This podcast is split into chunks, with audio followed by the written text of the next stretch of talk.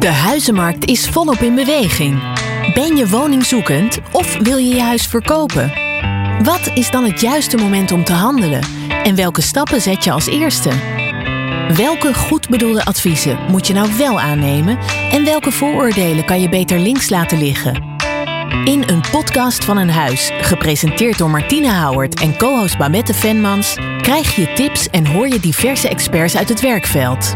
In deze reeks van zes afleveringen gaan we het hebben over de makelaardij. En daarom heet deze serie ook Podcast van een Huis. Met iedere keer veel praktische tips en tricks van verschillende experts uit de makelaardij en de huiswereld. En in deze eerste aflevering is het hoofdonderwerp makelaardij. Wat zijn de verschillen tussen al die verschillende makelaars qua werkwijze? En wat past nou ook echt goed bij jou als potentiële woningkoper of verkoper van een woning? Daar gaan we over praten. Ik ben Martine Howard en dit doe ik niet alleen. Nee, dit doe ik samen met mijn sidekick Babette Babette Venmans. Babette, fijn dat je er bent. Dank we gaan natuurlijk mooi met elkaar in gesprek vandaag. Zeker. Kun jij ook nog eventjes uitleggen waarom deze serie? Waarom doen we dit? Ik vind het voornamelijk belangrijk dat in deze serie de luisteraar hier echt tips uit kan halen. Ja. Want ja, er is momenteel chaos op de woningmarkt. En ja, hoe blijf je rechtop staan? Wat moet je wel en wat moet je niet aannemen van het nieuws, van vrienden? Je hoort natuurlijk van alle kanten, hoor je iets. Ja. En ehm, in deze podcast is het belangrijk dat we dus echt de experts aan het woord laten. En uh, dat je echt de juiste informatie krijgt. Ja, zodat je gewoon zelf ook eventjes goed kan horen wat past nou echt bij mij. Zeker. Ja. Uh, we hebben ook weer twee uh, hele mooie gasten deze keer. Namelijk Rob van der Stegen, algemeen directeur bij Van der Stegen Makelaarsgroep. En uh, Gijs van Weigerde. jij bent sinds 2020 eigenaar van Makelaarsland samen met je compagnon Ivor. Gijs, als we dan kijken, Makelaarsland, wat, wat doen jullie echt precies? Hoe zou je het zelf omschrijven? Nou, we zijn een makelaar die voor onze klanten huizen verkopen en kopen en doen dat op onze eigen wijze. Ja. Ja, mensen kunnen dat echt eigenlijk ook wel een soort van zelfstandig doen, hè? Ja, dat zijn onze roots. 16 jaar geleden zijn we daarmee begonnen. Ja. Dat we uh, de klant meer in de regie hebben gezet. Zodat hij ook zelf uh, zijn bezichtiging bijvoorbeeld kan doen, zijn tekst kan schrijven, foto's kan maken. Nou, daarmee uh, zijn we gegroeid tot een grote makelaar in, in Nederland. Mhm. En sinds drie jaar kan de klant ook kiezen om de bezichtiging bijvoorbeeld bij de verkoop uit te besteden aan een van onze makelaars in het veld. Ja, Rob, als we dan kijken, jij bent algemeen directeur bij Van der Stegen Makelaarsgroep. Jullie zijn echt juist een full service makelaardij, hè? Ja, wij zijn uh, een full service makelaar. En dat, uh, dat betekent dat we van, uh, van aanvang af vrienden moeten maken met, met de verkopers en met de kopers om het vertrouwen te winnen. Uh -huh. En wij gaan om met levensbeslissingen van mensen en met tonnen van mensen. En dat, ja, dat gaan we van top tot teen goed afwikkelen. En we willen die mensen dan ook graag bijstaan. En uh, eigenlijk meegeven dat de enige zorg is die zij hebben. Dat ze de vloerbedekking gaan uitzoeken van het nieuwe huis. En uh, welke gordijnen gaan we krijgen en alles eromheen. En dat is heel veel. Uh, gaan wij de zorg voor hen wegnemen. Ja, eigenlijk de zorg wegnemen. Is dat ook het grote voordeel van de full service makelaardij? Nou, ik denk niet alleen het voordeel. Het is bijna een must. Ik vind het heel bijzonder als mensen zelf een huis gaan verkopen of kopen. Uh, je praat over een levensbeslissing, je praat over tonnen. Uh -huh. En uh, vergelijken als je met een advocaat uh, naar de rechtbank gaat. Je kan ook in sommige gevallen zonder advocaat er naartoe gaan. Maar ik raad het niet aan om dat te doen. En het, is, het gaat om zulke grote belangen. Dat ik denk van, natuurlijk, als je mij de vraag stelt van uh, kan iemand zelf een huis verkopen? Dan zeg ik ja, juridisch kan dat, formeel kan dat. Alleen de vraag is, haal je het beste resultaat eruit? Uh, zijn de voorwaarden voldoende die opgenomen worden in de koopakte? Wij nemen bijvoorbeeld heel veel disclaimers op in de koopakte namens uh, de verkoper. Voor de kopers die vinden dat niet altijd even leuk. Maar naar de kopers toe heb ik ook één advies. En daar komen we later waarschijnlijk wel even op terug. Maar dat is neem een eigen makelaar mee. Want nogmaals, het gaat om hele grote belangen. Ja, ja, hoe kijk jij daarnaar, Gijs? Uh, want jullie hebben natuurlijk echt een andere aanpak. Wat zijn de voordelen van de manier waarop jullie werken? Nou, ik denk dat de aanpak er overigens niet zo heel erg uh, groot verschil heeft. Omdat natuurlijk wij zeggen de klant doet de bezichtigingen zelf. En uh -huh. kan een stukje tekst zelf schrijven als hij dat wil. De foto's maken hebben we inmiddels uh, weggehaald. Omdat we denken dat de kwaliteit met een goede fotograaf wel beter is. Maar nog steeds hebben wij dezelfde belang voor ogen. En begeleiden die klant ook eigenlijk van A tot Z. Ja. He, alleen we doen het wat meer op afstand als de klant kiest voor onze online propositie. En we zien dat er ook in de, uh, in de markt behoefte is aan uh, om die bezichtigingen door een makelaar te laten doen. Omdat de klant daar geen tijd voor heeft of dat te spannend vindt. Of, nou, dan mag, kan dat ook. Ja. Maar we krijgen de klant zelf die zegt: Ik vind het wel heel leuk om daar een rol in te spelen aan het proces. Hè? Dus die kan zelf de bezichtigingen doen. Zeg joh, achter in de tuin zit je het lekkerst. Ik vind het fijn om eens te kijken aan wie ik het huis wil gunnen, want dat mag ook. Kijk, en dat is wel een groot verschil met helemaal zelf je huis verkopen. Want daar vind ik Rob zeker. Kijk, er komen allerlei juridische aspecten kijken. Het hele biedingsproces is natuurlijk uh, enorm belangrijk in dit, uh, in dit verhaal. Klopt, zeker En het in is een tijd. enorme beslissing, zowel bij aankoop als verkoop voor die klant. Dus die begeleiding moet goed zijn. Alleen oh, wij zeggen, je, de klant kan kiezen. Wil ik alles uitbesteden? Of wil ik een deel zelf doen? Ja. Ja, wat dat betreft gaat het echt on demand, zeg maar. Echt Ja, waar je ja. zelf dan behoefte aan hebt. Als we kijken, eh Babette, we hebben natuurlijk ook iedere keer een rubriek. Een belangrijke praktijkvraag van In dit geval is het dus een potentiële verkoper. Mhm. Ehm, waarom zou ik in de huidige markt een makelaar in de arm nemen? Kan deze meer over mijn woning vertellen dan dat ik zelf kan? Nou, Nou Rob. Die krijg ik voor mijn kiezen waarschijnlijk. ja. Eh, ja, kan die meer over de woning eh, vertellen dan de eigenaar zelf kan? Eh, dat is discutabel. Ik denk het eerlijk gezegd niet, omdat de eigenaar die woont er al heel lang, die weet heel veel van de wo- woning. Alleen die juridische aspecten eromheen zijn van belang. Kadaster moet nagevraagd worden. Dat kan een verko- verkoper vanzelfsprekend ook zelf gaan doen. Alleen wij weten het standaardpalet wat nodig is om een huis goed te kunnen gaan verkopen. We kennen de omgeving. Ik ben wel heel erg grote voorstander dat de makelaar wel lokaal acteert. En niet eh, vanuit Den Haag naar Amsterdam toe komt, wat we wel eens meemaakt. Maken, want dat zijn de mensen die de markt lokaal niet kennen. Ehm, en ehm, ja, wat betreft eh, de, wat, waarom zou de makelaar eh, moeten helpen bij de verkoop van een woning? Nou, dat begint al bij eh, het adviseren van een prijsstelling. Eh, ik denk dat een verkoper altijd onzeker is over eh, de prijs. Vraag ik wel genoeg? Vraag ik misschien te veel? Eh, hoe gaan we de markt in? Eh, het kan zijn dat je, wij adviseren ook wel om onder de gewaardeerde prijs in te steken in de markt om meer kandidaten te krijgen. Maar dat zijn allemaal verkooptactieken en strategieën die je doorneemt. En dan is eh, het vervolg is eh, het hele traject met eh, hoe wordt het aangemeld. Alles gaat professioneel bij ons. Van foto's tot en met eh, eh, teksten. Tot en met hoe worden de mensen benaderd. Iedere koper die komt, iedere kandidaatkoper die komt, weet exact waar hij aan toe is of zij aan toe is. Ehm, nu wil de overheid dat op dit moment allemaal gaan reguleren. maar ik denk, ja, mensen die bij ons een huis hebben gekocht. het enige wat ze kunnen zijn is teleurgesteld op het moment dat ze niet gekocht hebben. Maar eh, ze kunnen nooit zeggen van de informatie die op voorhand hadden, klopt niet. Want alles is gestructureerd, alles is duidelijk, alles staat vastgelegd. Zowel naar de kopers toe als naar de verkopers toe. We hebben de werken met de intranet naar de verkoper toe. Die weten precies wat er bij de afspraken gebeurt. Het hele traject van voor tot eind wordt helemaal afgewikkeld door ons. Wij behartigen het belangen van de verkoper. En daar is nog wel eens een verschilpunt tussen. Dat een, sommige kopers denken dat wij ook voor hun bezig zijn. En dat is dus niet zo. ja. Wij moeten bemiddelen, we moeten partijen bij elkaar zien te krijgen. Maar we moeten de belangen behartigen voor de partij die ons betaalt. Dat kan een verkoper zijn, maar dat kan ook een koper zijn. Merk je dat juist ook in deze tijd? Dat sommige kopers dat ook echt denken? Nou, soms wel. Van, dit is de makelaar die gaat het huis verkopen. En eh, ja, dat is eh, eh, een algemeen aspect van... Natuurlijk, wij zijn dan de verkoper de makelaar in dat voorbeeld. Maar wij melden bij elke bezittering van... jongens, gebruik je verstand. Schakel een eigen deskundige, een eigen makelaar in... die jouw belangen gaat behartigen. Want wij zijn Ja. bezig met de belangen van de verkopende partij... om die zo- zo goed mogelijke prijs te krijgen. Zo hoog mogelijke prijs. En zo goed mogelijke voorwaarden voor die verkoper. En dat gaat, va- gaat vaak heel ver. En wij proeven, eh, als mensen zeggen we willen, willen ze weten zelf verkopen of eh, aankopen. Dat is prima, we leven in een vrij land. Maar accepteer de consequenties. Ik heb daar een leuk voorbeeld van, als ik er even maar over mag hebben. Ja, We hebben een, een bepaald moment hebben we een inschrijving. En om, tien, om drie uur eindigt die inschrijving. Om tien voor drie komt een eh, kandidaat binnen. En die heeft de woning gezien. En die zegt, ik wil het kopen, wat moet ik doen? Waarop wij zeggen, nou, gebruik je verstand. Schakel een eigen deskundige in. En eh, die gaat jou begeleiden. Eh, nou, hij zegt, dat kan niet meer, want ik heb nog 10 minuten. Waarop wij zeggen, nou, dan, schuiven we de drie uur door naar morgenochtend 9 uur. We hebben eh 30 kandidaten gehad. Er zijn heel veel makelaars daar geweest waar we een lijstje van kunnen geven die je kunt benaderen om te vragen wat zij ervan vinden. Maar dat wilde meneer niet. Nou, hij wilde echt zelf onderhandelen. Waarop wij zeggen, nou, dan moet je het achterste van je tong zien. En dan even de inside information. Wij staken in op 298.000 euro voor een woning die 315 waard was. ja. En we hadden op dat moment al een hoogste bieding van 364. Dat is de markt op dit moment. En de man die zegt van, eh, ja, dan zou ik het tussen 360 en 370 moeten bieden. Waarop wij zeggen, is dat echt het achterste van je tong? We herhalen de vraag vier keer. En meneer eindigt op 411.000 euro. Had geen hypotheek nodig. Het is een onvoorwaardelijke overeenkomst wat we konden sluiten. Waarop wij de verkoper daarna moesten bellen. En die gelooft ons niet. Die mevrouw zegt, jullie maken een grapje. Ja. Ik geloof het niet. Ja. Maar dit is de markt. En dan zeg je van, verdien je je geld terug? Nou, dit voorbeeld absoluut wel heel veel.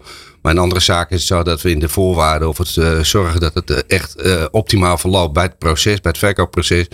geen discussies ontstaan over roerende zaken of andere dingen. Maar dat is allemaal onderdeel van ons vak. Ja. Hoe kijk jij hier naar, Gijs?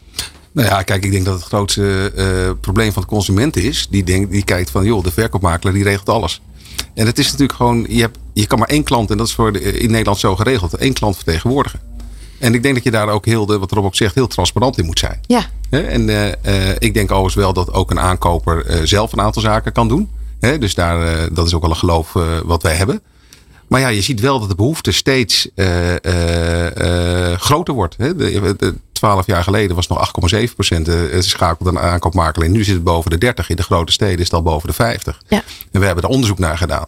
En dan zegt een kwart, die zegt, joh, ik doe dat omdat anders kom ik er niet tussen. Overigens vind ik dat de verkeerde reden. Uh, uh, dus niet helemaal de juiste motivatie. Nee, zeg maar. nee. ja, eens. En uh, daarnaast gaat het om, joh, ik denk dat 27% zegt, joh, ik, wil, ik mis de kennis. En nog eens 19% zegt, joh, ik denk dat de makelaar een betere deal eruit kan halen. Dus dat is niet mijn mening. Dat is gewoon een onderzoek wat we onder duizend klanten of onafhankelijke klantenkopers hebben gedaan. Ja, ja. Ja, ik denk dat het tijd is voor een volgende rubriek. We zouden hier nog heel lang over door willen gaan. Maar we gaan door naar het volgende vraagstuk. In het nieuws. De makelaardij ligt natuurlijk onder de loep, ook in de media. Het Parool heeft een stukje geschreven over de media schetsen een eenzijdig beeld van de makelaars. Wat vinden wij daarvan? Gijs? Nou, ik denk dat dat uh, zeker zo is. Ik heb er al eens wat eerder over mogen roepen. Ik vind uh, uh, dat er eigenlijk de problemen op de woningmarkt hebben een aantal oorzaken. Nou, kunnen we lang over hebben dat er te weinig gebouwd is. nou, de, de rente, noem allemaal maar op. Maar ik vind dat het te veel bij de makelaar wordt neergelegd. En dat je dan kijkt ook naar een onderzoek als Radar. De Vereniging Eigen Huis roept een aantal dingen. Daar zit een waarheid in, denk ik. Hè, wat de incidenten gebeuren. Mhm. Maar ik denk dat het wel heel erg bij ons komt te liggen. Dat, die, dat het negatief uh, geschetst wordt. Toch heeft duizend uh, verkopers, huizenbezitters, geven aan van het moet transparanter. En daar moeten we als beroep wel iets mee. Ja, He, waar dus, zou je dan transparanter in kunnen zijn? Nou, ik denk wel dat wij. één is uh, uh, dat je gewoon je, ook je bezichtigers en je kopers, eigenlijk wat, wat Robert net ook zegt, veel beter nog kan informeren als verkoopmakelaar. He, dus ik denk dat we daar nog best wel een stap uh, kunnen doen. Proberen als makelaars altijd ook te doen. Continu te informeren wat, hoe dat proces werkt. Mm -hmm. Komt ook straks in een van mijn tips terug. Ik denk dat als klant dat je veel beter jezelf kan voorbereiden en inlezen. Zodat je ook echt weet hoe het werkt. De makelaar is de specialist. Alleen je kan zelf een andere verantwoordelijkheid daarin pakken. Ja. En uiteindelijk kan je ook uh, bijvoorbeeld uh, wat wij doen naar onze verkopers toe. Hè, want we hebben het vaak over de kopers. Gewoon aangeven wat je biedingen zijn. Wat wordt er geboden door wie op welk tijdstip. Leg het vast. Joh. Er, is niks, er is niks geheims aan. Wij doen dat al 16 jaar. Ik vind wel dat, hè, er is ook een discussie. Uh, en ik heb zelf in dat groepje mogen zitten met de minister. Dat het, het logboek geven aan de kopers. Vind ik wel weer heel ver gaan. Dus Ja. daar ben ik geen voorstander van op dit moment. Nee. Hoe kijk jij hier Ehm, over de, het imago van de makelaar. Ja. Die is eh, standaard slecht. En ik moet eerlijk zeggen, als ik af en toe in de praktijk meemaak hoe sommige makelaars, mensen die zich makelaar noemen, want iedereen mag zich vandaag de dag makelaar noemen, hoe die een eh, huis presenteren, dan kan ik me enigszins voorstellen dat mensen denken van ja, dat, eh, dat is zakken vullen, eh, twee vingers in de neus, ze doen helemaal niks. Er is een groot verschil hè, wat dat betreft. Nou, maar waar absoluut. zit dat verschil dan in? ja. Nou ja, als een voorbeeld te geven. Niet zo lang geleden maakte ik een bezichtiging mee met een klant. Daar was ik aankoopmakelaar en een verkoopmakelaar. En een aardig uitziende jonge dame zat letterlijk met haar derrière op het keukenblad met haar telefoon te spelen. En dan ben ik zo ethisch dat ik naar haar toe loop en zeg van, eh, jonge dame, wat, ben jij de verkopend makelaar? Ja, zegt ze. Ik zeg, wat ben je dan aan doen? En toen werd ze boos. Toen zei ze van, eh, hoezo? Je kunt toch het huis bekijken? Ik zeg, je moet toch het huis verkopen? Wat is dat nou? En ik Ja. zeg, mijn klant zegt net, oh, dat zijn die NVM-makelaars. Het negatieve imago wordt bevestigd op dat moment. ja, dat wil En, je en daar, kun je, nou, daar, daar kun je niks aan doen, maar dat is vreselijk. En Je probeert elke dag weer, want wij zien elke klant, elk pand als unieke opdracht, een unieke uitdaging waar we weer ons best voor moeten doen. En eh, het enige wat je kan doen is naar je klanten toe zeggen van eh, we, gaan, we gaan eruit halen wat erin zit voor je, we doen ons uiterste best. En dat, is, dat is het vak wat we moeten uitoefenen. En dat uiterste best doen is ook bij een bezichtiging gewoon nog, het pand nog mooier aanprijzen. En dan zie je soms wel eens als een meerdere mensen, voor zover dat mag tijdens de corona, eh, bij een bezichtiging rondlopen van verkopend makelaar, hou alsjeblieft je mond, want ik wil het huis kopen. En het enige wat je aan het doen bent is het duurder aan het maken met je gesprek. Ja. Maar dat is onze rol. Wij, zijn, wij worden betaald door de verkoper en wij moeten dat ook doen. Dus het imago kan me voorstellen. En ik denk dat dat een eeuwenlange strijd wordt uh, als er niet wordt, wordt veranderd in de zin dat iedereen zich makelaar mag noemen. Want sinds 2002 mag dat. Uh, op het moment dat je een onderscheid gaat maken in gecertificeerde makelaars. Dat zijn over het algemeen de makelaars aangesloten zijn bij uh, Vastgoedpro, VBO en NVM. En met name de laatste twee zijn gewoon prima organisaties. Waarbij je meer zekerheid hebt dat je kwaliteit in huis hebt aan makelaars. En die ook de belangen van de opdrachtgevers kunnen verantwoord, vertegenwoordigen. Maar dat, nogmaals, het gaat erom het imago. Dat, uh, als je zegt, gaan we dat morgen veranderen? Dat denk ik niet. Blijven we eraan werken, elke dag. Ja. Ja, als ik daar zelf ook een tip in mag uh, meegeven. Ik heb inmiddels voor de tweede keer een huis gekocht. Wat ik echt heb gedaan, is voor mij is het heel erg belangrijk dat ik toch een bepaalde soort klik heb ja. met de makelaar. dat ik gewoon ook met meerdere makelaars een goed gesprek heb gehad vooraf. En daarbij ook gewoon echt het gevoel van, maar wat past nou bij mij? Maar ik denk dat vergelijken altijd goed is. Dat denk ik ook. Ja. Uh, maar ik zie ook heel veel mensen dat niet doen. Uh, dus dat zou dan weer mijn tip zijn. Vergelijk het eens. Ga eens echt het gesprek aan en voel eens aan wat, wat past nou echt een beetje bij mij. Even op de reactie van Babette als ik mag. Uh, ja. We hebben natuurlijk in het verleden ook veel, we hebben, als ik terug ga kijken naar de aanvang van ons bedrijf, we hebben meer dan 20.000 transacties gedaan. Ehm, en dat betekent dat, dat we heel veel mensen uit het verleden kennen. En die kennen ons ook. En die willen dan wel eens zeggen van kom maar langs en verkoop het huis. En dan eigenlijk kun je opschrijven, ook qua coutages, alles wat je wil. Nou, we maken daar absoluut geen misbruik van.